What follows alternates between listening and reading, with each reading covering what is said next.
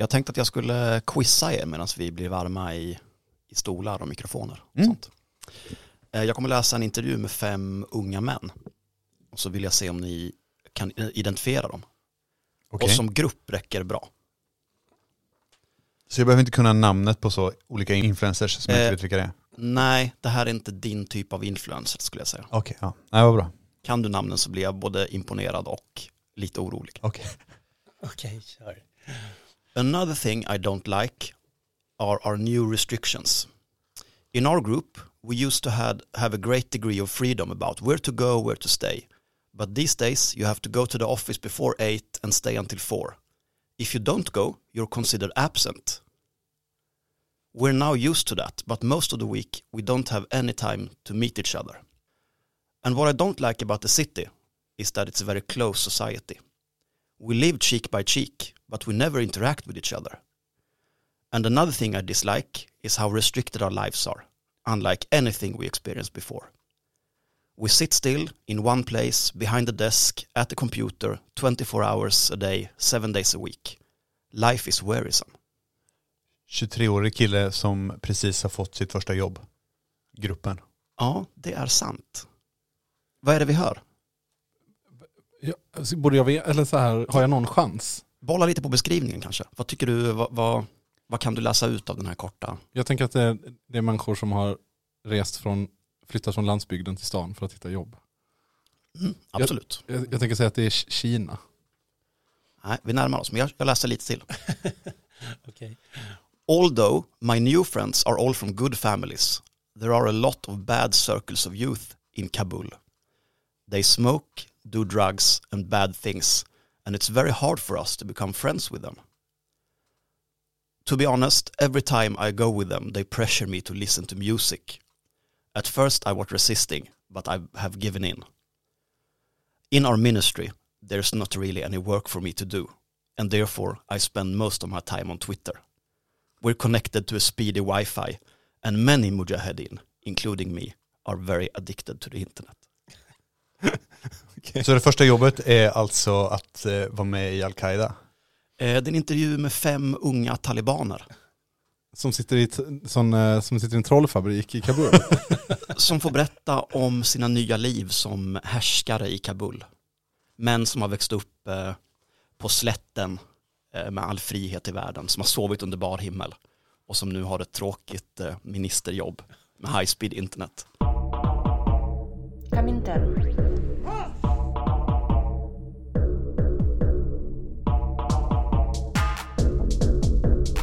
berätta inte för mig om det svenska klassamhället. Jag har sett det. Jag har växt upp i det. Jag hatar det. Ja, hade det inte varit för det där med att sitta vid datorn så hade jag tänkt att eh, det var så här eh, syditalienska unga arbetare som flyttat till Norditalien för att jobba i bilfabriken. För det känns ju ganska passande eh, med tanke på att vi har den eh, autonoma historiens svenska Nestor i studion. Ja, vad tycker du om den eh, introduktionen? Det var nog- Det brukar alltid komma in något sånt. Nestor, veteran, räv, så att jag...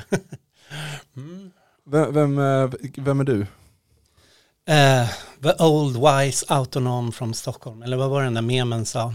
Eh, Mattias Våg från eh, Stockholm och eh, har väl varit med i varenda gruppering som går att vara med genom åren. Brand är nu, podden Apans anatomi och är väl en sån som både kan liksom skriva ena dagen i Aftonbladet och nästa dag på liksom små anarkistsajter. Liksom. det stör mig lite att du redan hade blivit kallad Nestor. Alltså det tycker jag ändå, jag, tycker, jag träffar inte många människor som svänger sig med det uttrycket och jag tar tillvara på varje chans jag får. Men störigt att jag inte var först. Jag blir, Fl- Flamman skrev det bara för två veckor sedan eller något sånt. Fy fan. Ja. jag blir förvirrad när folk använder Nestor inte som ett eh, namn på en specifik person utan som en, eh, en titel. Du tänker på Tintin, Haddock? Eh, Nej. nej, heter han Nestor? Ja, heter han inte så? Han som Haddocks bekant. Jo, jo det tror jag han gör. Mm. Jaha. Nej, jag tänkte på, tänkte på Nestor Makhno. Ah, okej. Nu när Ukraina är i ropet. Ja, just det. Just det, han står så långt ner på vår lista över Nestors. Ja, han står högst upp på min lista över nästa år. Ja, det är ingen som är förvånad Nej, det är det inte. Jag är inte, Haddox. jag är inte så komplicerad. Så att, eh, Vill du berätta varför du är i Göteborg, Mattias? Mm, jag ska prata för, jag skrev en essä för ord och bild för, ja, det är nästan ett år sedan. Men de har ju någon så här författarserie eller litterär serie. Så. Eh, den handlar om Tove Jansson och hennes eh, sista Muminbok sent i november. Så då tänker jag väl att det drar fulla hus, alla Mumin-människor som det kryllar av liksom. Och eh, min ingång har ju varit liksom eh, läsa Mumin genom Agamben och Osynliga kommittén. Så jag vet inte liksom hur, hur det kommer landa i den publiken. Men vi- vi testar och ser. Så.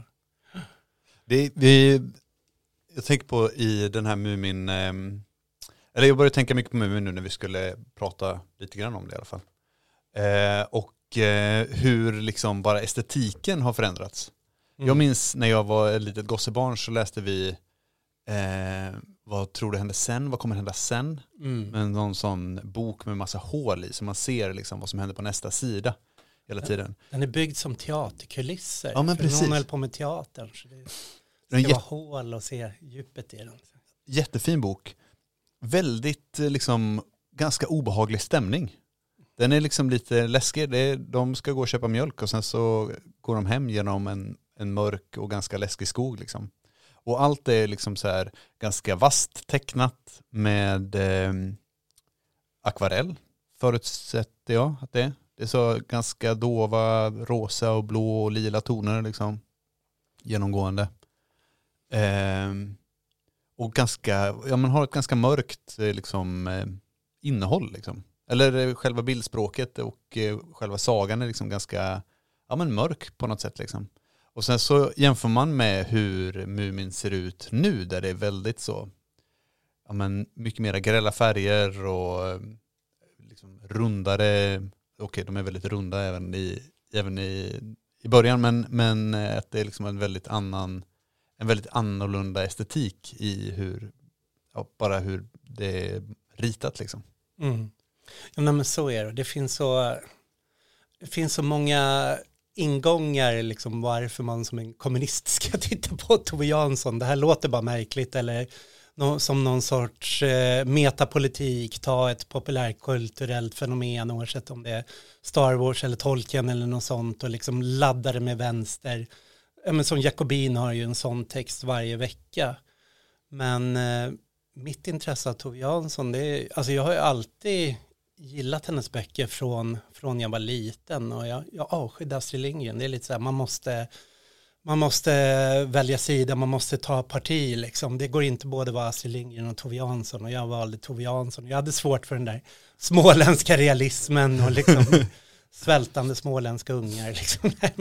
Ja men och Tove Jansson, det var mycket det där mörka som jag gillade och sen när jag liksom eh, nu läste dem för mitt barn och sen jag, jag är ju liksom, Negri är ju min stora husgud där jag har liksom plöjt allt, flyttat ner för att plugga på hans institution, liksom, sprungit på hans möten och jag kände att nu har jag nått lite så här vägs ände, jag har läst det mesta där, jag behöver gå utanför min liksom comfort zone och läsa något annat. Och då, korkad som jag var började jag läsa Agamben under pandemin, liksom just då Agamben kom ut som någon slags foliehatt, liksom i, eh, eller i alla fall eh, han blev en ikon för foliehattar. Och då, så jag liksom började med att läsa liksom godnattsagorna tills ungen somnade, då läste jag liksom Trollkarlens hatt och sånt och sen så plockade jag fram Agamben och liksom Osynliga kommittén och sen eh, ja, men hur, hur bra det där passar. Så då börjar jag liksom bli nyfiken och liksom, det har kommit så mycket hennes brev, böcker om hennes liv. Och fatta liksom, jag har inte kunnat så mycket om Finlands historia, men det är ju lite, eh, bor man i Stockholm är Helsingfors nära, liksom Nya Oslo nära, liksom Malmö och Köpenhamn nära, så att jag har ju hur mycket polare där som helst och är där väldigt ofta. Så jag, just så här, finlandssvenskar har jag liksom så många vänner och intresserat mig för och liksom varit i många av de här platserna där. och började förstå liksom att så här, men Finland är ju liksom Nordens Weimarrepublik. Mm. Och då satt jag ändå liksom och höll på med liksom mina antifascistiska projekt och läste om så här radikalkonservatismens återkomst genom eh, alt-right och identitära strömningar. Och så fattade jag liksom att eh, Tove Janssons hem, det var liksom eh, mitt i liksom den eh, finska liksom kulturfascismen någonstans. Att hon kom från en svensk fascistisk släkt och hennes pappa stred på vita sidan och han hade som en salong hemma hos sig där alla de här liksom stora veteranerna kom dit. Eh, han gjorde liksom skulpturer som var liksom för de vita som hade stupat. Och hon satt i det där och liksom någonstans under krig, alltså vinterkriget där så fick hon, eh, alltså konstnärskretsarna var väldigt vänster. Så hon liksom halkade in i kommunistisk miljö där. Jag är inte helt säker på att alla våra lyssnare, när du pratar om vita sidan, förstår vad Ja. du refererar till. Eh, men det är alltså den vita sidan i finska inbördeskriget, eller finska revolutionen eh, eh, 1918. Mm. Precis efter ryska revolutionen så, så blir det ett inbördeskrig i Finland mellan den vita och den röda sidan. Där, där, eh, ja, mot, mellan kommunister och, och fascister helt enkelt. Där Ja. den, eh, den vita sidan segrar och det är ett, liksom en extremt blodig och väldigt, fortfarande väldigt infekterad fråga i Finland. Man pratar inte gärna om liksom, händelserna 20, eh, 1918. Och när vi tänker på fascism, tänker på den italienska fascismen liksom, som kom på 20-talet eller nationalsocialismen i Tyskland liksom, på, på 30-talet så jämför vi med de små strömningar vi hade här i Sverige 20-30-talet. Så, så Finland var ju verkligen en ny skör demokrati. De liksom kom till någonstans genom ryska revolutionen, att liksom Lenin lät dem eh, Eh, få en nationell självständighet och arbetarrörelsen där liksom på en given signal gick ut i revolt och det blev det här inbördeskriget som var väldigt blodigt där den här liksom vita sidan där många finlandssvenskar också var med hade liksom tyskt stöd. Ehm, och sen kom ju också den här lapporörelsen som var liksom den finska fasciströrelsen som kom, eh, som kom senare på slutet av 20-talet och eh, som också var en sån bonde landsbygdsrörelse som under två år var nära liksom att få makten. De försökte göra en statskupp och de tog ju liksom ledande kommunistiska politiker, de tog ju till och med liksom statsministern tror jag liksom och körde iväg, körde till gränsen eller körde ut och misshandlade liksom. Så att det fanns en helt annan så här fascistisk scen där. och de hade också en väldigt så här kulturfascistisk scen att så här, på, student, eller på universiteten så var det så här, det fanns det som kallades Svarta gardet som var liksom en universitetsakademisk eh, litterär krets. Liksom.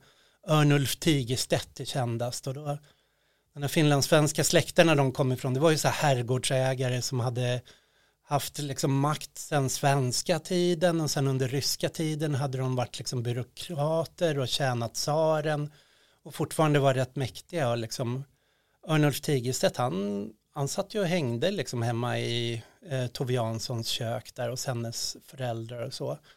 Så det, då var det liksom spännande för mig att se den här liksom smältdegen när liksom fascismen är så nära makten. Kommunistpartiet förbjuds, socialdemokrater fängslas, de går liksom genom olika krig och hon någonstans ur det där kommer in i och hamnar, blir tillsammans med en av de så här ledande, eh, vad ska man säga, han var socialdemokrat men egentligen var han nog mer kommunist, liksom, en så förespråkare för enhetsfronten där, Atos Virtanen, som hade sin eh, salong och hur han försökte någonstans ta den här kulturkampen, sin tids kulturkamp mot fascisterna där, eh, genom att inte använda Marx som slagträ utan att använda Nietzsche och Spengler som var det liksom så populära då liksom. Spengler var ju på en turné i liksom Sverige och Finland. Eh, och hur mycket av det som sen går igen i Tove Janssons böcker i liksom antingen lyser igenom eller blir lite som, som parodi. Att hon, hon färgas, det är hennes frigörelseprojekt någonstans från sin liksom antikommunistiska, nationalistiska pappa, liksom, och gå in i det där. Skulle du säga att det finns en ideologisk dragkamp om Tove Jansson idag?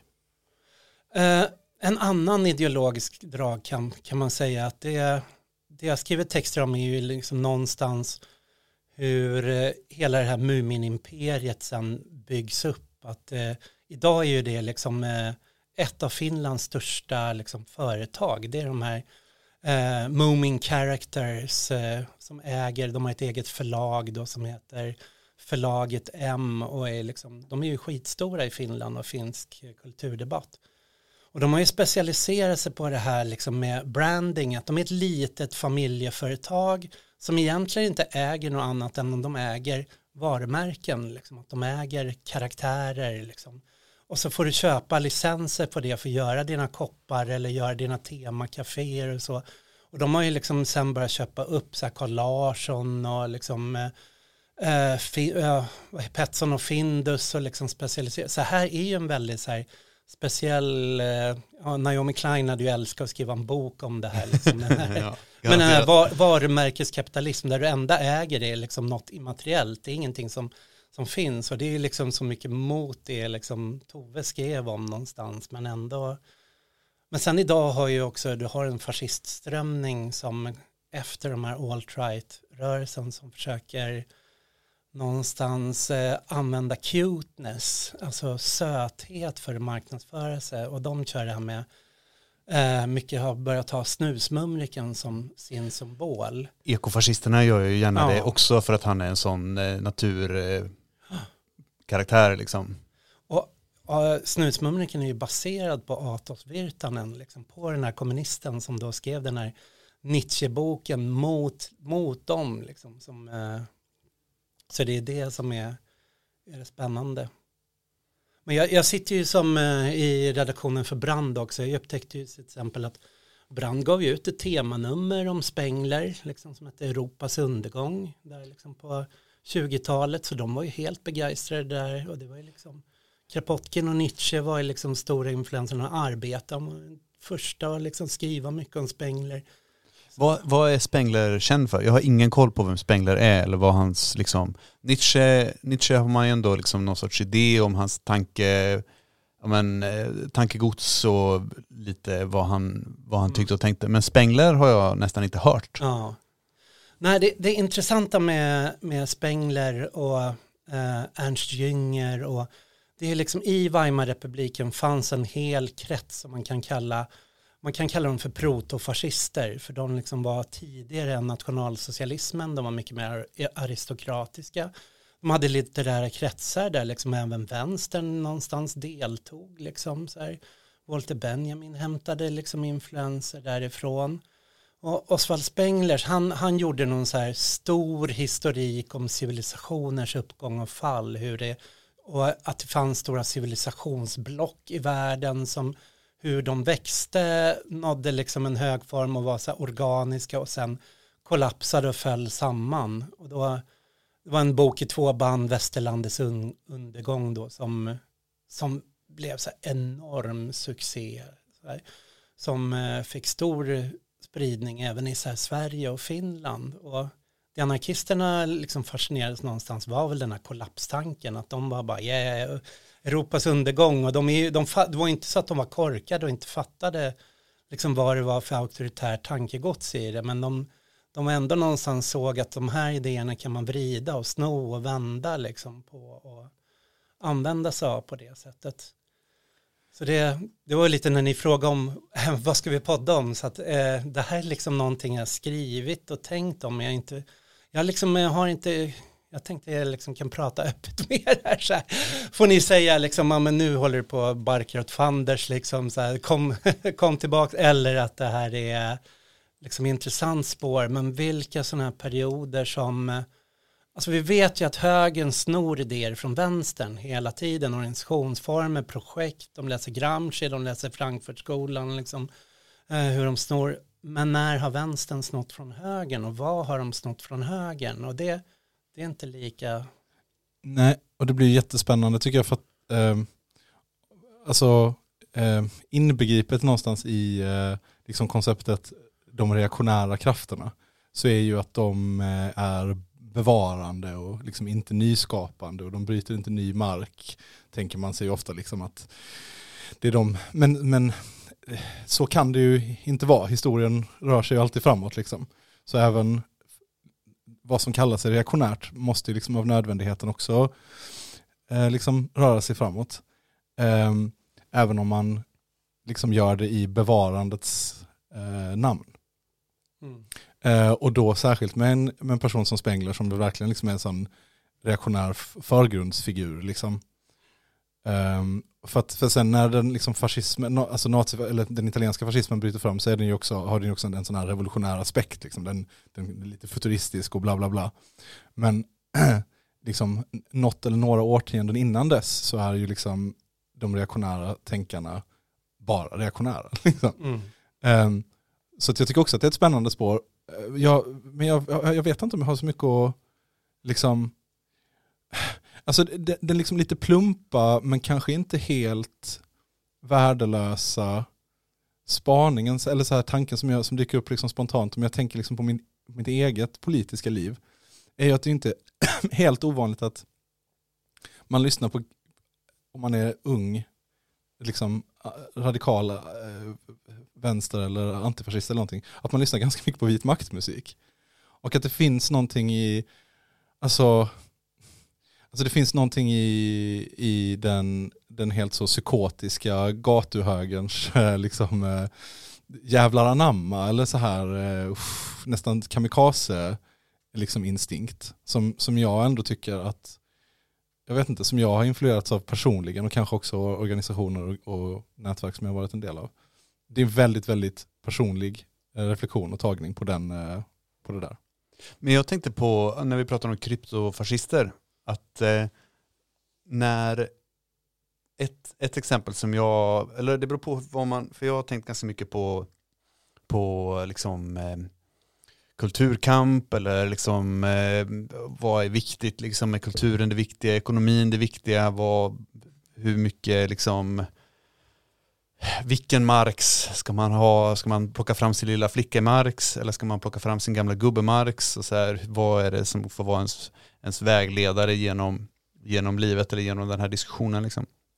Men i, ehm, i det tidiga, alltså med, med kryptofascisterna och den här längtan tillbaka till när man, man tittade på industrialismen och man tittade på att så här, okej men det här gör folk eh, och fascisterna tyckte att så här, okay, men industrialismen gör folk, eh, gör folk veka och man tappar, eh, man tappar liksom någon sorts nationalistisk idé för att man har inte någon sorts koppling till, till landet som man brukar och det finns något liksom den här, ja men det finns någonting med, med Odalbonden och liksom hela, Mm. hela den grejen.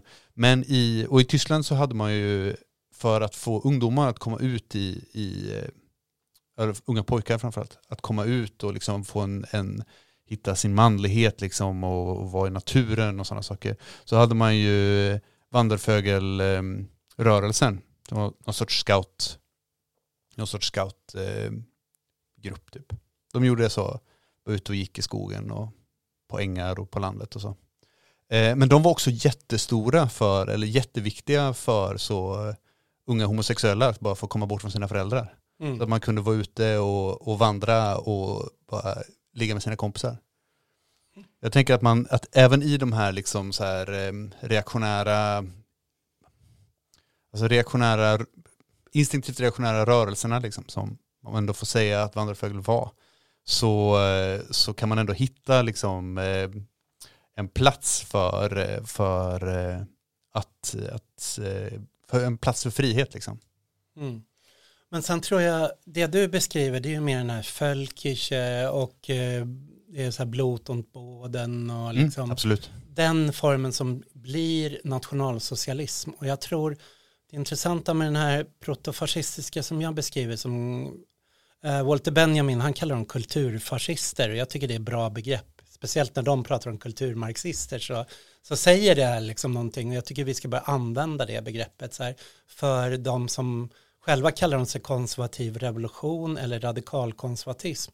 Och de var en annan strömning som sa att de eh, Alltså när allt det här skedde i Tyskland så hade de ju haft hundra år ungefär av, av liberalism. Så det var ju mycket en antiliberal revolt och den tog ju sig uttryck i ett massstöd för första världskriget. Att det var Första världskriget för sig ju av så här massdemonstrationer i Tyskland och Frankrike av folk som bara vi ska ut och kriga, vi ska slåss och det fanns även liksom i den här finska vita sidan liksom så man ville göra upp med den här liberala borgerligheten som satt så tryggt och liksom så här förnämt på sina stolar liksom med sina rakade handryggar liksom utan ut i fältet och slåss. Och då det var inte en så här reaktionär rörelse som ville tillbaks till monarkin och kungahuset eller var antiindustriell utan tvärtom liksom att Ernst Jünger och de, hans fascistiska eh, utopi som han beskrev, det var i boken Der Arbeiter på 30-talet, det är ju liksom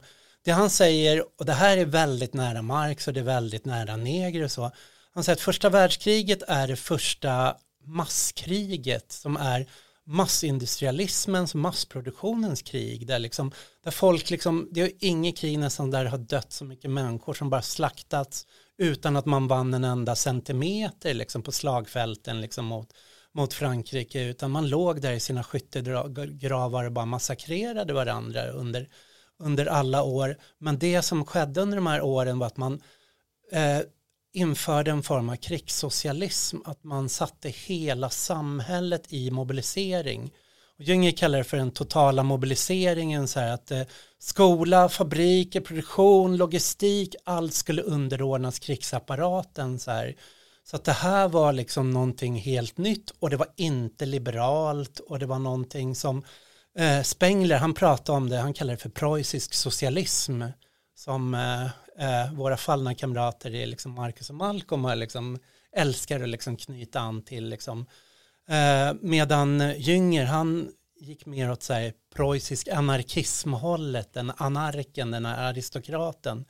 Men just de här böckerna om den här totala mobiliseringen, det är ju mycket så här hur Negri beskriver imperiet till exempel, liksom, eh, som en så här stor mobiliserande, totalmobiliserande kraft. Och mycket av de här begreppen som kommer där, så här, man kallar idéerna för den här strömningen för 1914 års idéer och det är liksom en tysk socialdemokrat som varnar för det här, att det här är en revolt mot 1789s eh, idéer, de liberala om jämlikhet, bröderskap och liksom och så kommer 1914s eh, idéer som är mer i en så här auktoritär riktning men ändå liksom för framåt. Och det, Rudolf Kjellén tar ju över det och skriver en bok som blir bestseller i Tyskland liksom. Och det är ju SDs Mattias Karlssons stora idol. Och det är han som myntar begreppen så här geopolitik och biopolitik liksom som Foucault någonstans hämtar upp. Så att den här eh, när Nazityskland kommer så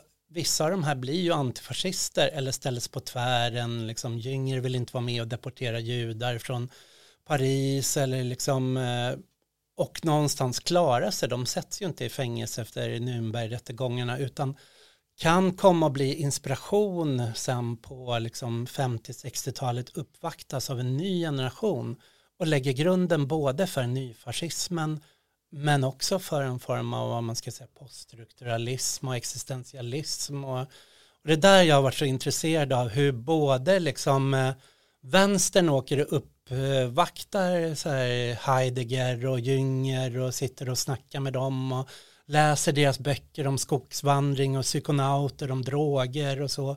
Men även liksom det här eh, den nya högern, de som är identitärer idag, de sitter ju också och bjuder in de här på sina möten och, och bygger sin ideologi. Så att där har vi liksom två strömningar någonstans som har suttit och snackat och hängt med samma personer från den här kulturfascismen. Men är det inte för att båda eh, från lite olika håll och med lite olika definitioner ändå eh, pekar ut eh, alienation som någonting som måste liksom över, överstigas? Alltså att eh, i ett sånt här, i ett mass samhälle som massmobiliserar så liksom kan man eh, gå upp i någonting större och man eh, liksom eh, slipper att vara en atomiserad individ och bla bla bla. Mm. Och det är ju en annan lösning på samma problem som, problem ställning som vänstern har, liksom, eller socialister har. Jag läste en bok för ett tag sedan som heter um, Paradise Built in Hell. Som handlar om... I, Solnit. Ja, Rebecca precis. Solnit. superfin bok. Mm. Rekommenderad läsning tycker jag för alla. Men eh, där pratar de ju om att eh, folk som mår dåligt i när samhället är normalt liksom.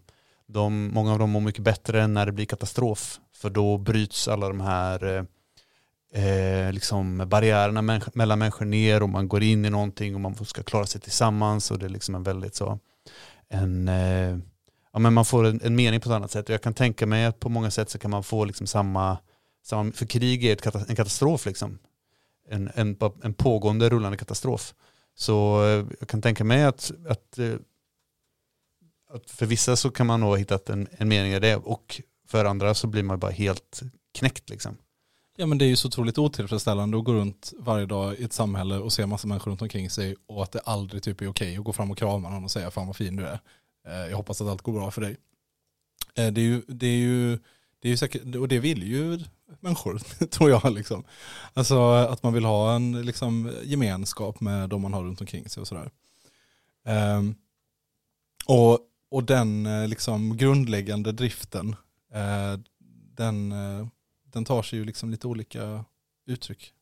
Sen är det, de pratar inte om det som alien, alienation i, utan det begrepp de använder är ju nihilism. Mm. Att det är li- nihilismen, med marknadsliberalismen så spreds nihilismen, liksom. det fanns inga fasta värderingar och liksom hur allting förföll på det sättet och det centrala projektet eh, någonstans är hur man ska överkomma den där nihilismen på olika sätt och det, det plockar ju Sartre upp i existentialismen, då är det nihilismen som är fienden och man läser i Osynliga kommittén, de beskriver det som, de har myntat begreppet Blom och det Blom är liksom 1914 års idéer men de beskriver också att det här är någonting eh, det finns en sån här diskussion när Heidegger fyller 50 år, då skriver Jünger en sån här festtext till honom. Och sen så svarar Heidegger, liksom skriver skriva en text tillbaks till Jünger, där de, som den heter, eh, Över linjen tror jag den heter, finns på svenska. Där de pratar om det här nihilismen, är samhällets nihilism, är det, är det någonting vi befinner oss i den här nihilistiska tillvaron nu och Jünger vi måste bara drivas över den här linjen, vi måste forcera med liksom eh, viljan till makt med någonstans vår kraft göra något annat. Medan Heidegger är mer så här, nej men det här är vårt, vårt tillstånd i det här samhället, vi lever på det här sättet och det här går in i oss. Om man tittar på så här, till exempel Osynliga kommittén och Tikkun-texterna någonstans så är ju det här liksom det är centralt i dem. De, de pratar om imperiet, biomakten och skådespelet som tre olika namn på samma fenomen. Och det, det är det här som är, inte att det sitter en makt över oss någonstans, utan det här går rakt in i våra kroppar.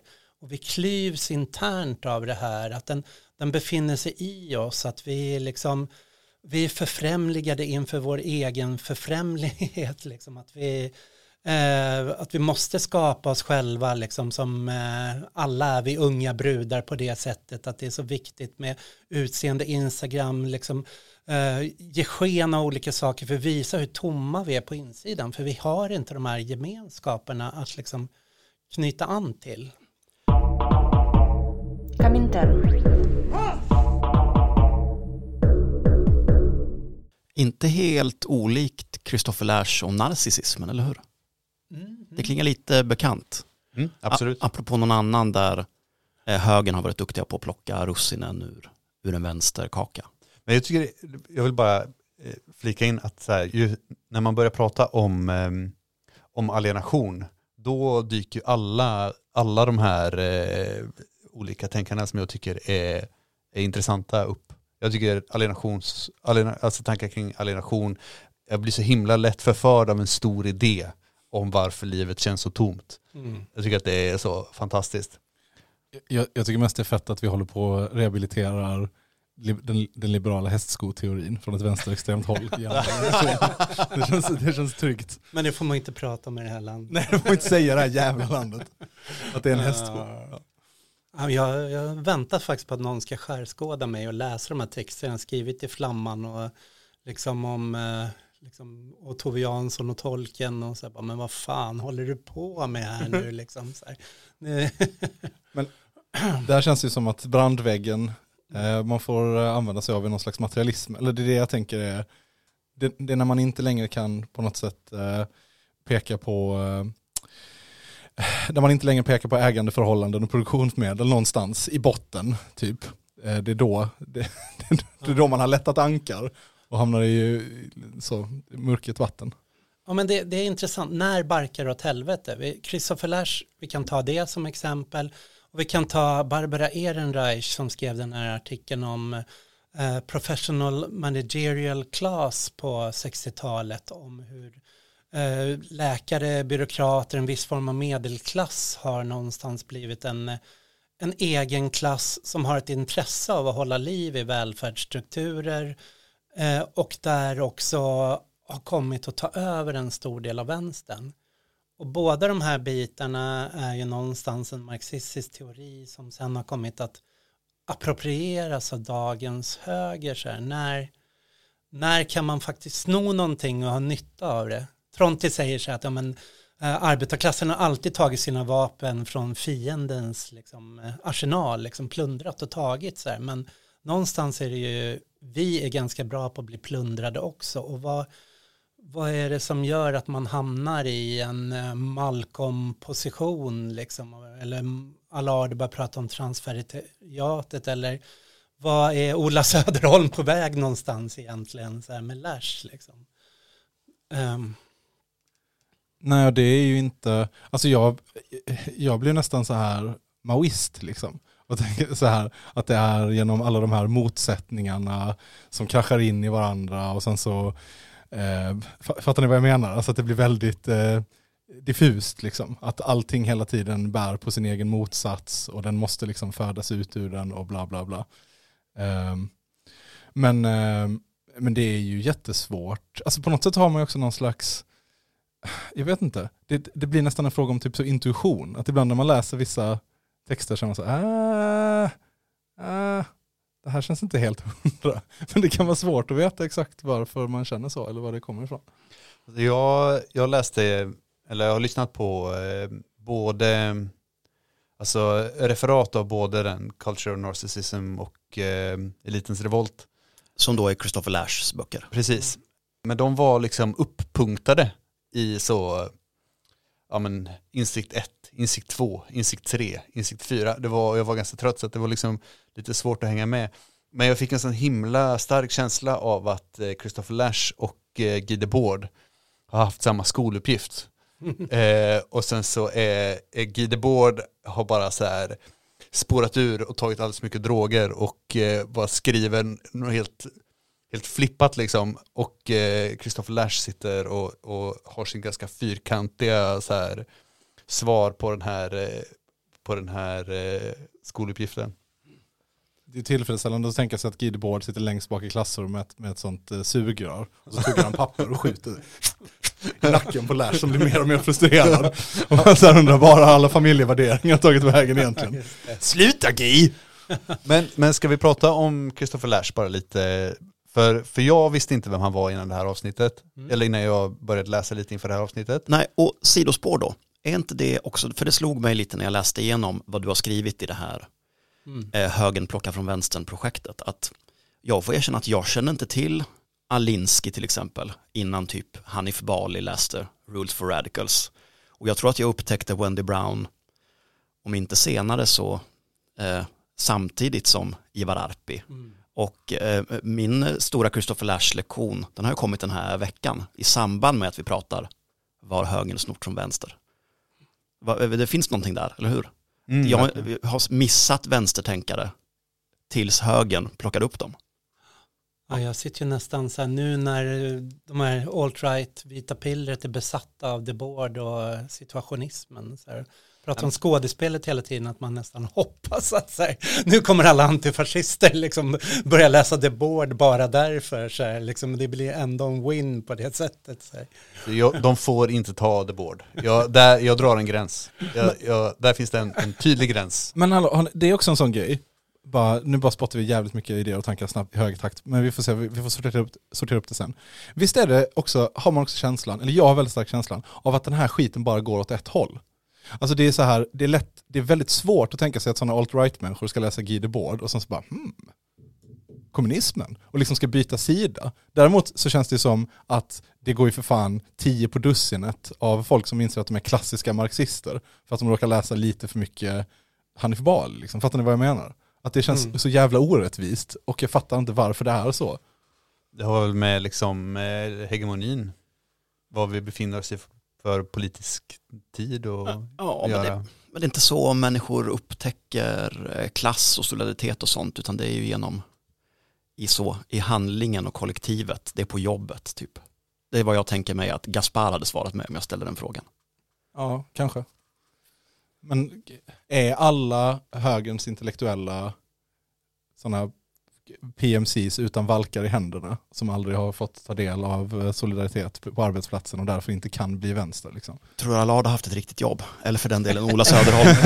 Nej, det, Nej, det har väl en poäng där. ja, det har de inte. Men eh, Christopher Lash då hörni, Mm. eh, amerikansk historiker, född på, borde jag skrivit upp? Ja, jag kan inte heller hans. Jag vet bara att han är död. Ja, och jag lyssnade verkligen, igår så lyssnade jag om det här avsnittet där de gick igenom lite snabbt. Jag, jag, I'm drawing a blank. Ja, 30-talet kanske. Ah, typ. Ja, ja. Ja, Det var hot shit eh, under för 80-talet i alla fall. Och det Ja, var, och 60-talet också. 30 känns som en rimlig, Ja. en rimlig gissning. Bra killgissning, ja eh, marxist initialt. initialt och sen eh, tvivlare, får man säga så? Men han, Någonstans hans böcker plockades ju väldigt snabbt medan han levde upp av högern och även av, eh, vem var det, var det Nixon eller vem var det som bjöd in honom? Det var inte Nixon tror jag, men Fan, jag, alltså verkligen, jag, nyss satt jag och... kan absolut ha varit Reagan. Nej, för, nej han, han var i polemik med Reagan. Ja. De, de kom inte överens. Men det, det var Truman kanske det var, ja, som bjöd in honom. som bjöd in honom och också baserade sina tal mycket på Lash, liksom, för att han fann någonting där, både en kritik liksom, av eliterna, liksom, men också en tillbakagång till de här arbetarfamiljerna, liksom, värdera, liksom, lyckades blanda liksom, marxism med konservativa värderingar. Där. Men precis, för här är ju, det, det var det här som jag, som jag eh, liksom eh, sneglade lite åt i början när man pratar om eh, vad är det, är det det ekonomiska som är det viktiga eller är det det kulturella som är det viktiga? Och det, om när man ställer upp dem mot varandra så blir ju eliterna helt, vad som är eliten blir helt olika. Att så här, vi har en ägande klass, det är en ekonomisk elit. Sen har vi också liksom folk som har mycket inflytande när det gäller kultur. Eh, och det känns som att det är de som, när högern pratar om eliten, då menar, han, då menar de liksom den, den kulturella eliten på något sätt. Medan när vänstern pratar om eliten, då menar man den ekonomiska eliten. Men, men kommer inte, man inte tillbaka till eh, alienation där igen på något sätt i att eh, väldigt breda drag här nu och mycket så här bred pensel. Vänstern tänker sig att alienationen uppkommer på grund av produktionsförhållanden. Högern tänker sig på grund av att kulturen går fel. Och då är man ju naturligtvis intresserad av om man vill bryta sig fri från alienation. Vilka är det som bestämmer över respektive sak som skapar alienation? Om man utmålar dem som huvudfienden. Eller är intresserad av att ha dem som huvudfienden. Någonstans kan man väl se en röd tråd med det högern, precis som du sa, plockar över. Liksom.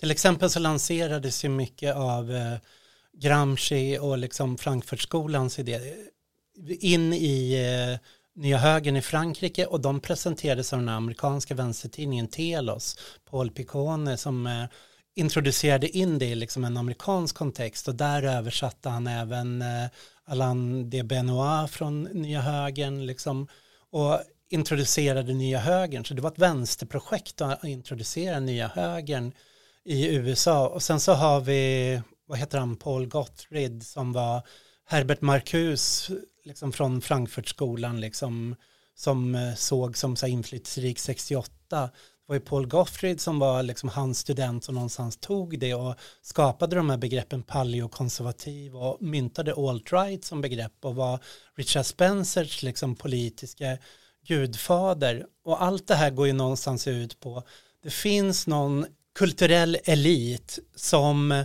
på olika sätt liksom genom sitt politiska projekt förändrar våra värderingar och för ett krig mot det vanliga folkets liv. Och om de är PMCs, alltså att det är en byråkratisk klass, det Allard sen liksom kallar det transferiat, eller om det är eh, Lash, den här liksom mer narcissistiska liksom, eh, eliten som sitter på makten, eller om det är kulturmarxismen som hos eh, eh, Paul Gottfried, när de, deras presentation av Frankfurtskolan, liksom, så är det ju samma sak. Ja, här, jag känner här. att eh, alltså, den liksom internationella judendomen eh, också liksom slottar in ganska bra där som en del av det panteonet av onda entiteter. Men, men, då, för då, men då kommer jag bara tillbaka till hela tiden att det är, det är jävligt farligt att inte grunda sin alienationskritik i, eh, i materialism. Liksom. Med, den saken, eller med det sagt så menar jag inte att man ska vara någon slags vulgär marxist, men det, det finns något som är riskabelt. Men för det, jag har lyssnat på två när jag, jag har jobbat natt i natt så jag har varit ganska trött på dagen. Och eh, då har jag två, eh, legat och halvsovit och lyssnat på två stycken eh, olika högerpoddar som pratar om Christopher Lash. Och ingen av dem pratar ju om hans ekonomiska idéer alls. Utan man tar hans, eh, hans tankar om alienation, eh, om eh, liksom eh, de här eh, virtue, nu vet jag inte vad det är, man ö- Dygd. Ja, ja men så här, sexuell dygd och att dygden ska vara någonting som man strävar efter. Eh, de pratar om eh, liksom den här rädslan om att, att binda sig, rädslan för att, att ha liksom långa relationer till, till andra människor men också till eh, platser och, eh, och liksom communities, grupper som man har eh, som man vill förbättra livet för liksom, och som, som kommer finnas kvar. Alltså att ens, det, även om man inte blir ihågkommen själv så de, ens insatser kommer finnas kvar liksom, efter man har dött och det kommer finnas en plats för en när man blir gammal och sånt. Liksom. Att, eh, och att de här inte finns längre, att det är liksom rädslan för ålderdomen och så. Um, så de pratar om de grejerna fast ur ett, så lägger de väldigt stor kraft på hans eh, liksom, vurm för kärnfamiljen och liksom som den, den grundläggande delen i en demokrati och så. Eh, och antingen så säger de, mm, jag skulle inte riktigt eh, kommit överens med honom på ekonomiska frågor, men eh, eller så bara nämner de inte hans eh, tankar om, om hur samhället ska vara liksom strukturerat ekonomiskt alls. Utan de bara har de här, eh, hans tankar om, om alienationen och liksom den narcissistiska kulturen. Det är någonting som vi har varit inne på i podden ett par gånger, tänker jag. Alltså att eh, kapitalet slår sönder alla våra naturliga, nu viftar jag med fingrarna i luften, så alla våra naturliga eh, sammanslutningar, kollektiviteter, gemenskaper. Eh, och sen att Lashs svar på det är någon slags så förljugen, nostalgisk idé om, om kärnfamiljen. Det är en annan femma. Mm. Och det är ju samma med hela den här Blue Labour-strömningen, att där har ju de samma, att de kan vara väldigt, och den har ju fått så här, nytändning nu i Sverige i eh, Pajamola och tiden, liksom, eh, den eh, ja, socialdemokratiska liksom, idétidningen så att säga. Att man, man har en kritik av nyliberalismen ekonomiskt, men man riktar också en kritik mot eh, det som liberalismen i form av identitetspolitik. Och det stopp, då stoppas även all radikal alltså queerpolitik eller vad det än är in och stämplas som liberal. Och svaret på det liksom blir en eh, socialdemokratisk, liksom någon slags välfärdsstat men som baseras på konservativa ideal. Liksom att det ska vara lokalorganisering, det ska vara ett homogent samhälle, det ska vara baseras på traditionella arbetarkärnfamiljen. Man gör liksom arbetarkonservatismen till liksom sitt, sitt kärnprojekt i det här. Och det är ju någonstans, alla de här kommer tillbaks till det där liksom arbetarkonservatismen som den, den rätta liksom klassuttrycket någonstans som, som vänstereliten har förrått genom den här kulturella vändningen. Så Komintern. Jo, för vi pratade innan lite om att det känns väldigt mycket som att det har blivit en, alltså förutom liksom, ehm, eller det har blivit en, en väldigt stark politisk stagnation. Och det här har jag vänner som pratar mycket om, att det finns liksom, man får, även om man håller sig liksom inom, eller framför, egentligen enbart om man håller sig liksom innanför en parlamentarisk Eh, ram, liksom, finns det inte så mycket politik man får göra. Man får inte eh, utmana nyliberalismen för att det finns en massa olika eh, internationella och transnationella avtal som, som blockerar att, eh, att eh, inskränka företags möjligheter att göra olika saker och liksom inskränka möjligheten till att ta ut profit och sådana saker. Eh, så vad man får välja då, vad som finns, vad som finns kvar, det är ju liksom, du får, du får välja hur du ställer dig till eh, invandring, eh, homosex och hur mycket vapen polisen ska ha liksom. Det är typ det som vi är kvar och, och tjafsa om. Och knappt ens punkt tre där. Nej, nej precis. För det, de behövs ju för att, för att man blir galen av det här samhället. Liksom. Men, men ehm, det är de bitarna som finns, eh, som finns kvar och då blir det ju väldigt, alltså så här, då är det klart att, kultur, att kulturkriget får en stor får en stor plats liksom. För det är det vi, det är det vi tillåts, eh, det är, det, är den politiken som vi tillåts liksom prata om liksom, i någon sorts respektabel offentlighet liksom. Det är väl där, jag vet inte, jag tänkte på någon sån eh, Mark Fisher-grej, att han säger att i ett, ett samhälle där, där det inte finns någon politik att göra, där ingen politik är möjligt, så blir helt plötsligt allt möjligt. Alltså när brytpunkten kommer så spelar man med en väldigt öppen spelplan. Eftersom eh, då skapas någon slags möjlighet att eh, slå, slå bort benen på alla förutfattade meningar. Liksom. Och det finns ju, eh, och det tror jag ligger någonting i det. Och, eh, men det är också, jag vet inte, jag har känt sån, eh, och jag tror jag delar det med andra, så här, någon slags sån oro för att nästa liksom, politiska omvälvning, nästa stora politiska giv, eh, liksom kommer, kommer gifta eh, liksom en, en, en radikal omfördelningspolitik och ett brott med nyliberalism och allt det här. Liksom. Alltså hela det, det behovet av att ha eh, ja, men så här, ett, ett mer humant samhälle på något sätt. Fast man lyckas också kombinera det med högerns, eller med kulturkonservatismen. Liksom. Och det att en rörelse kan hitta den, eh, en, liksom en formel som funkar. Ehm, och att om man är i ett tillräckligt högervridet samhälle så kommer det vara, falla i så här mer bördig jord än det vänsteralternativet som också kommer bryta fram men kommer vara svagare. Liksom. Det, det, det du känner nu när folk verkar läsa Christopher Lash väldigt eh, mycket. Eh, om han är en sån stor tänker för ögonblicket. Ja precis, fast jag, jag tänker mig då kanske något ännu radikalare. Alltså någon som, någon som har en ännu mer radikal omfördelningspolitik. Eller så som är typ kommunister liksom.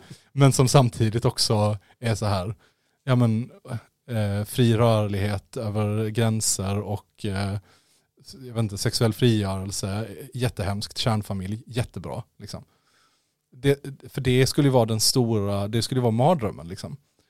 Jag har några spaningar kring det där som jag eh, kan dra.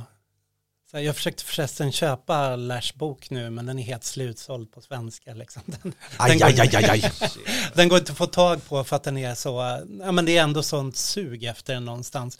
Och det tycker jag är lite fascinerande att det, hans bok verkar ju ändå läsas. Sen om det är vänsterfolk eller högerfolk eller både och som läser den, det, jag tror det är en blandning däremellan. Men inget av det andra där högen högern tar teorier, det är ju inte så att Gramsci har liksom försäljningar, Gramsci har gått upp, eh, jag tror inte skådespelsamhället heller liksom så här, skjuter, i, skjuter i höjden eller något sånt. Eh, de läser inte det utan, och det är därför jag tror att det finns en marknad för liksom så här, vänsterintellektuella i högern.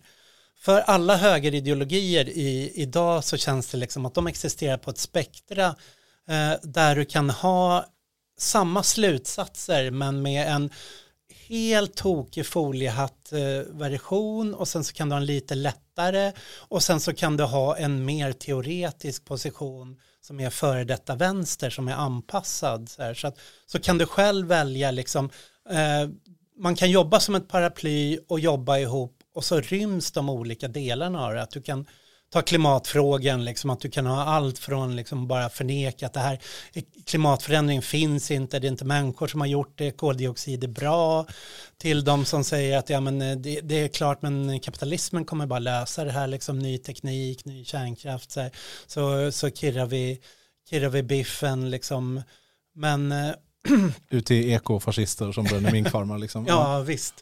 Så att det, det liksom ryms ett spektra där och då tror jag liksom, eh, Ja men att säga som till exempel Malcolm Kühne som gick från att eh, sin, eh, sin podcast som flest, först lyssnades av, av vänstern, sen började lyssnas av högern, så blev han krönikör i Dagens Samhälle och GP och sen plockades han upp på Oikos. Och nu sitter han bara och skriver liksom på obskyra liksom amerikanska sajter och eh, han liksom twittrar bara liksom på engelska. Han har, han har lämnat den svenska debatten för nu är han upplockad i, i den amerikanska debatten. Det är han, där han fyller en funktion. Och han kör ju fortfarande bara på det här transferiat eh, perspektivet då, liksom. det vill säga när de pratar om klass så är det aldrig liksom en fråga om, de diskuterar aldrig produktion. Liksom. Klass och produktion är ju helt frikopplat för dem. De har inte en så här, det är inte marxistisk analys av klass på det sättet, utan det är en fråga om vart går skattepengarna, liksom, vem betalar skattepengarna och vem får dem? Och då är det liksom det parasitära på, på arbetarklassens skattepengar, det är liksom det är konsulter för kommunerna, hbtq, certifiering, liksom mänskonst. menskonst, det är där som, som pengarna går ut, inte vinstuttag liksom till riskkapital eller någonting sånt, utan det är så här, ska, vad får vi för våra pengar? Ska vi verkligen betala för den här liksom eh, PMC eh, eh, livsstilen att bara upprätthålla den här PMC-vänstern när Vänsterpartiet bara är det politiserade PMC-partiet. Det är liksom, det är hela hans tagning, liksom Marcus, och det är ju den som han förpackar liksom tusen gånger och som hela högen älskar honom för och vill att han ska servera. Men de går ju inte att läsa Barbara Ehrenreichs texter eller eller där hon själv gick, gick ut och bemötte. Hon dog ju nyligen men hon skrev ju verkligen, hon var förfärad över hur högern och liksom eh, eh, brunvänstern hade tagit de där teorierna. Så det är liksom det ena grejen jag tror. Det andra jag tror liksom är när det gäller, jag var ju lyssna på eh, eh, Navid Modiris, den här Hur kan vi-galan, Flamman skickade dit mig liksom. Då hade de en diskussion eh, som handlar om välfärdsstaten i stort sett. Och då så här, Lars Trägård, Hanif Bali, Aron Flam, liksom, de skarpaste hjärnorna i högen. Liksom. Nej, men satt, satt och snackade liksom. Och det de, deras projekt just nu, vilket skiljer sig från så här, nyliberalismen och Reinfeldt, det är att de ska rädda välfärdsstaten men de ska skriva ut Socialdemokraterna ur välfärdsstaten och säga att sossarna och välfärdsstaten har ingenting, sossarna har ingenting med välfärdsstatens uppkomst att göra, bara med dess fall att göra. Ah, intressant. Ja, så då menar de så här att det är, Sverige har en lång tradition som bondesamhälle av, eh, av självständiga bönder som var hög grad organiserade, man bildade liksom kyrkor, frikyrkor, nykterhetsrörelser och arbetarrörelsen var liksom bara ett tecken på det här, liksom rösträttsrörelser och att det skapade välfärden men det byggde på att det var en homogen kult, etnisk kultur med stor tillit. Men sen när Socialdemokraterna någonstans lyckades ta makten genom det där så skapade de öppnade de dörrarna för invandringen, skapade mångkultur, fick in liksom röstboskap för att, för att kunna hålla sig vid makten och då pajar de hela tilliten och det innebär också att välfärden blev liksom eh, utnyttjad av folk som bara pumpade ut bidrag. Då var man tvungen att införa kontrollmekanismer och då blev det dyrare och dyrare och dyrare så att, det, så att till slut kan inte välfärden bära sig för att det bygger så himla mycket på kontroll. Så att så ska man tillbaka till välfärden så är det stängda gränser, återinvandring liksom.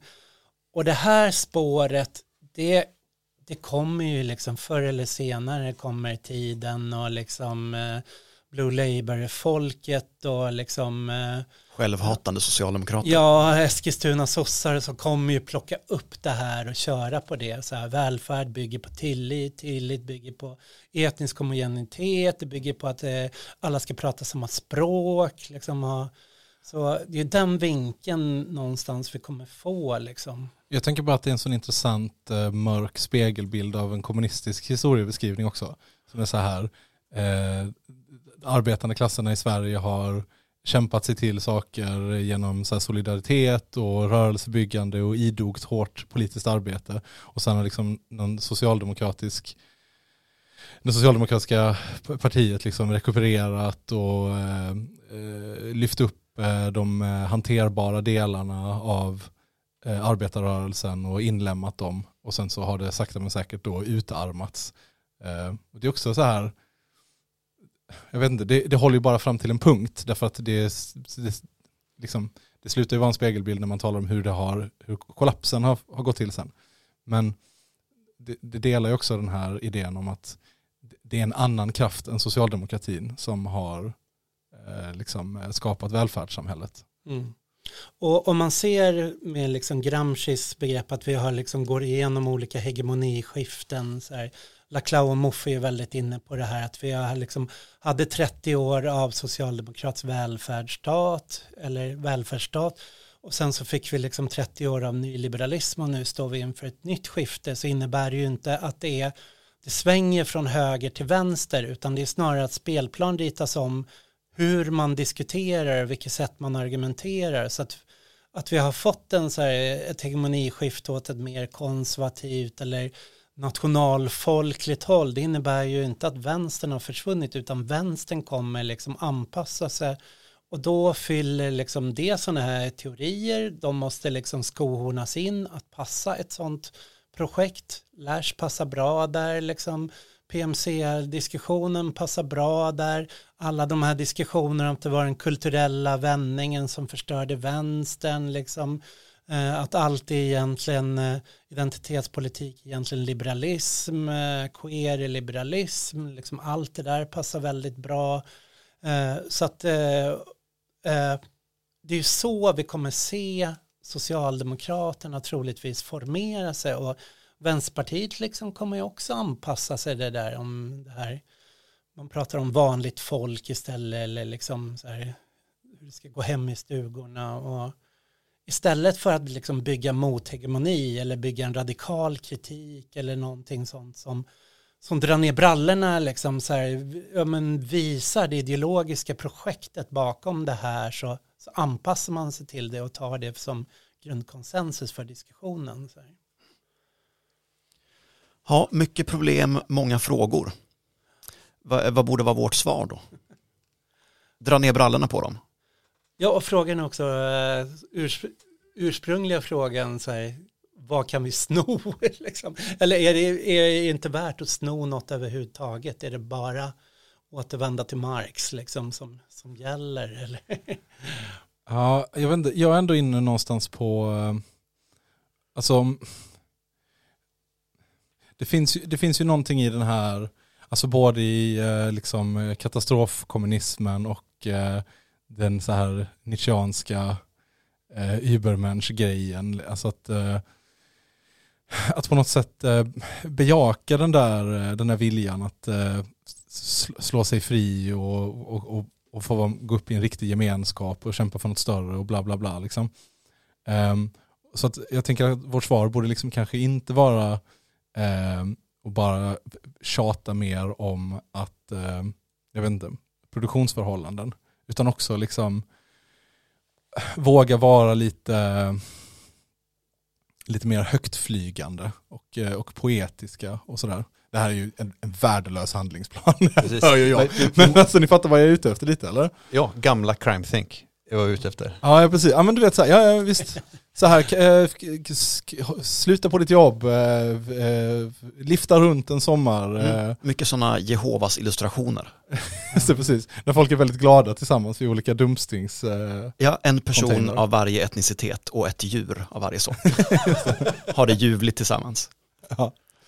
Ja, Jag, jag tror ju faktiskt att det finns mycket hos osynliga kommittén och liksom Agamben och hela det där sättet att tänka för att de, de eh, N-notes-folket och så, hur de försöker hitta gemenskaper som inte är identitetsbaserade men ändå är baserade på praktiker, på saker vi gör, på motsättningar. Liksom att det, det finns mycket där, men jag, jag tänker, min tjej, liksom, jag ska inte doxa vad hon jobbar som, liksom, men hon hade uppgift på sitt jobb att komma med så här framtidsspaningar så här, om men vad är det vad dagens unga vill? Hon bara, "Ja, men de vill väl bara jobba som it-tekniker. Bara, det där var ju 20 år sedan. Liksom, så här. Men så bara frågade hon, "Vad- men vad vill de jobba som? Och jag tror bara så här, jag blev helt svar- blank i huvudet och sen så tänkte jag, men shit, det här är ju nyckeln någonstans. Här. Vad är det de drömmer om att bli? Om vi nu ska fatta att vi har fått ett så här könsuppdelat röstande, så eh, om vi ska förstå de här unga männen, vad, om det är en så här manlighet i kris och det är någonting de känner sig jävligt tomma i och feminismen har blivit svaret för dem att feminismen är fiende liksom så här. Men någonstans måste vi liksom hitta det där, äh, men vad drömmer de om liksom? Så här, alla kan ju inte drömma om att vara influencers.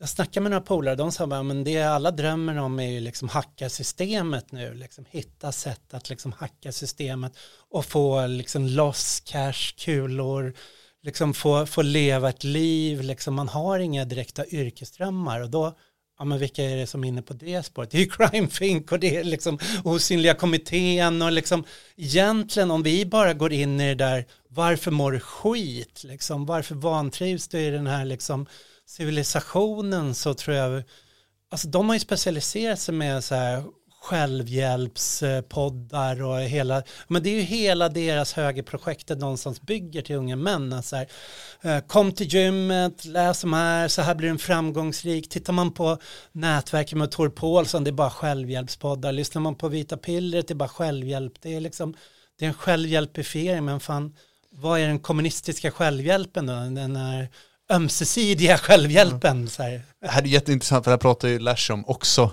Att självhjälpen har blivit liksom eh, den nya, det nya opiumet liksom. Ja, det leder ja. ingen vart. Men jag kom, fick en sån himla så här rolig, jag använder YouTube alldeles för mycket. Eh, och kollar väldigt mycket sådana reels typ. Det är ett, och jag får ju bara hemska saker. Jag får typ reaktionär politik, Warhammer, som i och för sig är ganska nice. Eh, Men också reaktionärt. men också ganska reaktionärt. På, på sitt sätt. Eh, och, och kampsport liksom. Eh, men, så då så i alla de här reaktionära grejerna som är upp så är det så här typ bara någon som pratar, eh, företrädesvis Andrew Tate och sen så är det så bilder på bilar och folk som räknar pengar och sådana saker. Liksom så här, du kan bli det här typ. Om vi bara skulle behöva producera svinmånga sådana, fast det är, det är Brian från Catharsis istället som, som pratar. Och sen så är det så här bilder på tåg som åker ner i solnedgången och så här folk som liftar och typ sover under träd och typ spelar gitarr tillsammans och har det gött liksom i någon sorts eh, sån anarko-hippie-kommun liksom. Men det, alltså det jobbiga är ju att, jag, jag, tror, jag tror att, fan, jag vet inte om vi gjorde det när vi spelade in, men när vi talar om skillnaden mellan högerprepping och vänsterprepping, alltså inför eh, någon slags den ena eller andra stora katastrofen som är väldigt mycket på mordet. Och så var det någon som sa bara, ja, men det är ju mycket svårare att bli kompis med sin granne än att bara köpa En Tre- AR-15. en AR-15 och några dunkar vatten. Alltså liksom, ehm, eh, vad ska man säga, receptet som högern ger för att bryta sig ur alienation är ju bara liksom gör fler armhävningar, bädda, rik. bädda din säng och syssla med bitcoin.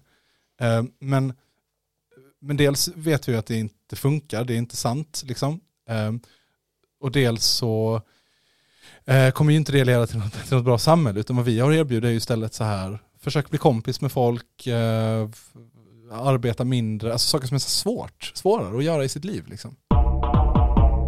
Comintern.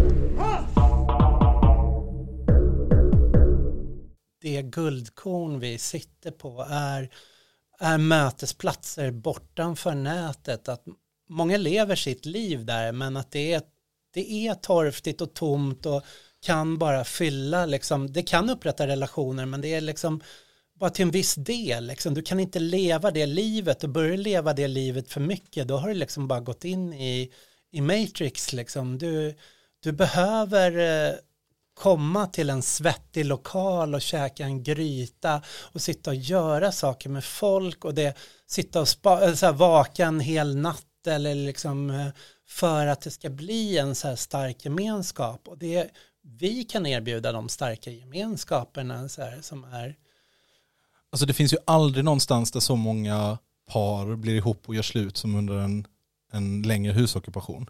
Det är en sån kärleksmaskin. Satan vad folk blir förälskade till höger och vänster.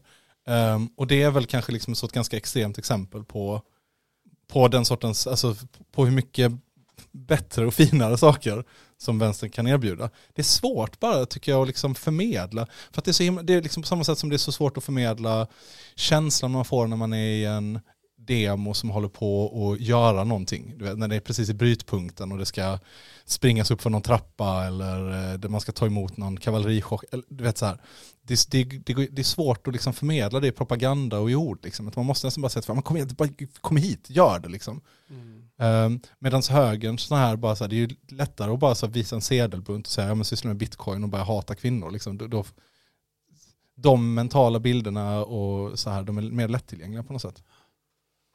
Jag har tänkt på det den här podden eh, Haveristerna, hur de, eh, Flashback Forever. Jag har talat om tusen gånger liksom, men de är de enda vänstermedierna någonstans som har skapat ett så här livaktigt interaktivt community runt omkring sig, liksom, där de sitter och gamer och spelar spel och liksom super och de hänger på sin eh, Facebookgrupp på kvällarna liksom, och de, de har galor och så, att det är någonstans här där kan man delta, man sitter inte bara passivt och konsumerar någonting utan man kommer in i det. Men det är fortfarande så att det är, det är någonting som passar det här skitlivet vi lever. Liksom. Man går och gör sitt jobb, man drar hem och sen så sätter man sätter på hörlurarna och kopplar upp sig och där har man liksom kan de vara interaktiva i, liksom, i haveristerna och liksom alla super framför varsin dator. Liksom. Men det är fortfarande ingen som tar i dig. Nej, det är fortfarande ingen som tar i det, men det, det, ger, det erbjuder något gemenskapssug. Så här. Alltså våra, våra poddar erbjuder ju inte ens något gemenskapssug, Nej. men det är ju för att eh, poddarna är för sig och sen så har vi våra lokaler och ställen och där träffas vi. Liksom. Det kanske är liksom viktigare att hänga på forum än att hänga på kominternchatt. Liksom. Men ja, det är vad vi säger åt folk att de ska göra i alla fall. Ja, och då har vi ändå försökt experimentera med lite olika sätt att försöka göra det mer interaktivt och sudda ut gränsen mellan producent och konsument i poddsfären och sådär. Lyfter inte riktigt. Ehm, det är inte det folk har sina poddar till. Ehm, och ehm, jag vet inte, jag, men, och på något sätt är det också så att om man, om man redan om man redan är en del av de här liksom, gemenskaperna som vänstern ändå har så känns det så konstigt. Alltså vad man vill göra då är ju som Andreas säger, bara säga åt folk att gå med i dem. Det blir nästan lite weird att skapa en Discord-server och bara ge någonting som är lite sämre. Mm, men hur gör vi då ändå för att gifta ihop det här? Liksom? Om vi inte, deras bygger på att man ska leva på nätet. Vi vill att man ska leva i rörelsen. Liksom. Och, men vi vill ändå ha kommunikationsformer som drar in fler folk i det och någonstans fyller en organisk funktion med det där. Så att det, eh, alltså Osynliga kommittén och hela dem, de bygger ju sitt väldigt mycket på på brev just nu. Att de har liksom eh, en rad olika sajter i olika länder där man skriver så här kollektiva brev till varandra över gränserna. Liksom och så här, ja, vi i vårt land, nu har det skett den här proteströrelsen, vi var där och levde i den på gatan och det här är vår erfarenhet. Så skickar man det liksom som en dispatch liksom till eh, Ill Will i USA som skriver liksom vi deltog i senaste Black Lives Matter-protesten och så skickar de det till eh, Lunde Martin i Paris liksom. Och på samma sätt i Italien, där har ju liksom radiostationerna och de sociala centren är ju integrerade. Att det är sociala centret som har en radio och inte radion är inte liksom några soloindividers projekt utan det är, det är lokalen du är på som har den. Så. Och den är generationsöverskridande också på ett sätt som våra lokaler nu i Sverige kanske inte är. Ja, ska vi wrap it up hörni? Ja, på något, på något sätt. Vi har hållit på i drygt en timme. Mm. Det kanske är dags. Ja, hur fan ska vi wrappa upp det här? Om inte Mattias eh, har någonting som han känner att, åh nej, jag har inte pratat om, eh, jag har inte fått säga någonting om eh, hur, vad Steve Bannon gjorde med Lenin till exempel. Just det, men Steve Bannon, det har jag gjort en hel podd om, så att det, det, det finns att läsa. Men han, han snodde ju Lenin. Och Muminhuset som kommunen, det kommer jag prata om imorgon. Så att det, Wow, rafflande. Ehm, Mm. Du har pluggat lite grann, du har berättat att du är redaktör för Brand och att du gör en podd som heter Apans anatomi. Mm. Och eh, jag redaktör av nya numret av Brand, det är därför jag inte hunnit podda på ett tag. Som kommer, det heter Att leva i inferno och det handlar om eh, hur man ska leva under den här nya konservativa hegemonin. Men framför allt hur man ska, tidavtalet påverkar vissa yrkesgrenar och så, hur man kan bedriva motstånd där man är liksom i, i olika instanser. Så den eh, håller på att sätts nu så den kommer snart och nu kan jag liksom dra igång med poddandet igen och liksom börja släppa saker nu när jag är i Göteborg ska träffa Nabila spela in med henne Ehm, mer saker som är på gång då ja nej men det, Ja, det är mycket nog tycker jag. ja. Våra lyssnare, det här kommer ju inte komma ut innan imorgon, surprise surprise. Eh, Nej. Så att det är för sent att gå och se dig prata om Mumin imorgon. Men jag tycker ändå att det är ett värt eh, tips att hålla koll på ord och bild. Därför att även om det inte alltid är en, ett samtal eller en författare som man är jätteintresserad av så är det apropå det här med lokaler och gemenskaper. Att gå till kulturhuset eh, Oceanen, dricka en Tuborg, äta något gott, snacka med lite folk. Åh vad trevligt det är. Absolut. mm. och vi kommer nog spela in det så det kommer släppas Nice. Strålande. Eh, tusen tack för att du var med Mattias. mm, tack så mycket mitt vi, namn fick nämnas i kommittén eh, vad vi inte har nämnt, det är vad den här podden heter. Ja, eller vad vi heter. Just det. Inte så jävla noga. Nej, vi jobbar på det. Ja. Jag tänkte säga att vi blir bättre och bättre, men det är inte sant. Det, är väldigt, nej. nej. Eh, det här var podcasten Komintern. Ehm, vi släpper ett avsnitt varannan söndag. Man kan backtracka i tre år. kan man göra. Vi har en Instagram, at kominternpodd. Man kan höra av sig till oss på kominternpodd at gmail.com. Ja, man kan ge oss pengar. Det kan man göra. Vad får man då? Då får man ännu mera podd. Just det. Då får man till exempel när vi pratar om eh, Starship Troopers. Vi fick en, en fråga på mail nyligen förresten. Det var någon som frågade varför vi inte sammanställer all vår otroliga outromusik i en spellista på Spotify. Och jag svarade, varför sammanställer inte du all vår otroliga outromusik i en spellista på Spotify? Det får man gärna göra. Ja, det. Mm. Vad vill du ha för outro, Mattias? Åh, shit. Jo, men ta någon av Muminvisorna, det måste ni ju göra. Ja, jag har varit på jakt efter en Muminvisa så jävla länge. Eh, som var på ett, ett, ett Muminband jag hade som liten. När kungen av Mumindalen Precis. sjunger om värdeteori. Och jag kan inte hitta den på YouTube. Var, vet någon vad man ska söka efter? Eller? För, för att den är, alltså, det är ju helt genialisk, liksom, som jag minns den i alla fall. Jag kan sjunga den för. Nej, När ett värde har ett värde, har ett värde. Ja. Na, na, na, na, Visa dem alltings värde. Visan om alltings värde. Finns det på Mm. YouTube? Vet du om det finns på YouTube? Uh, får söka, Ja. men den är grym. Det, det, det ligger ju som ett kul Det är, det är kungens civiliseringsprojekt, hur han ska göra civilisation av Mumintrollet. Där spelar han nationalsången, visan om alltings värde och visan om lag och rätt. Det är de tre sakerna man civiliserar med. Ja. Bra låt. Har ni riktig tur, kära lyssnare, så kommer den nu. Och kungen sjöng visan om alltings värde för Muminfamiljen som inte alls förstod vad det var fråga om. Varje kryp i mitt rike må höra att det dyra är det som är stort. För det stora tar lång tid att göra och kostar mera än det som går fort. För en sak får värde av ålder, en annan för den är ny. Traditioner blir äldre och äldre, en större och större staty. För alla släktens stora kungar lärde att ett värde är ett värde är ett värde. Varje värde har sin lilla hylla för allo är värdelig tid. Bara den som har guld kan förgylla sin egen privatpyramid. För alla släktens stora kungar lärde att ett värde är ett värde är ett värde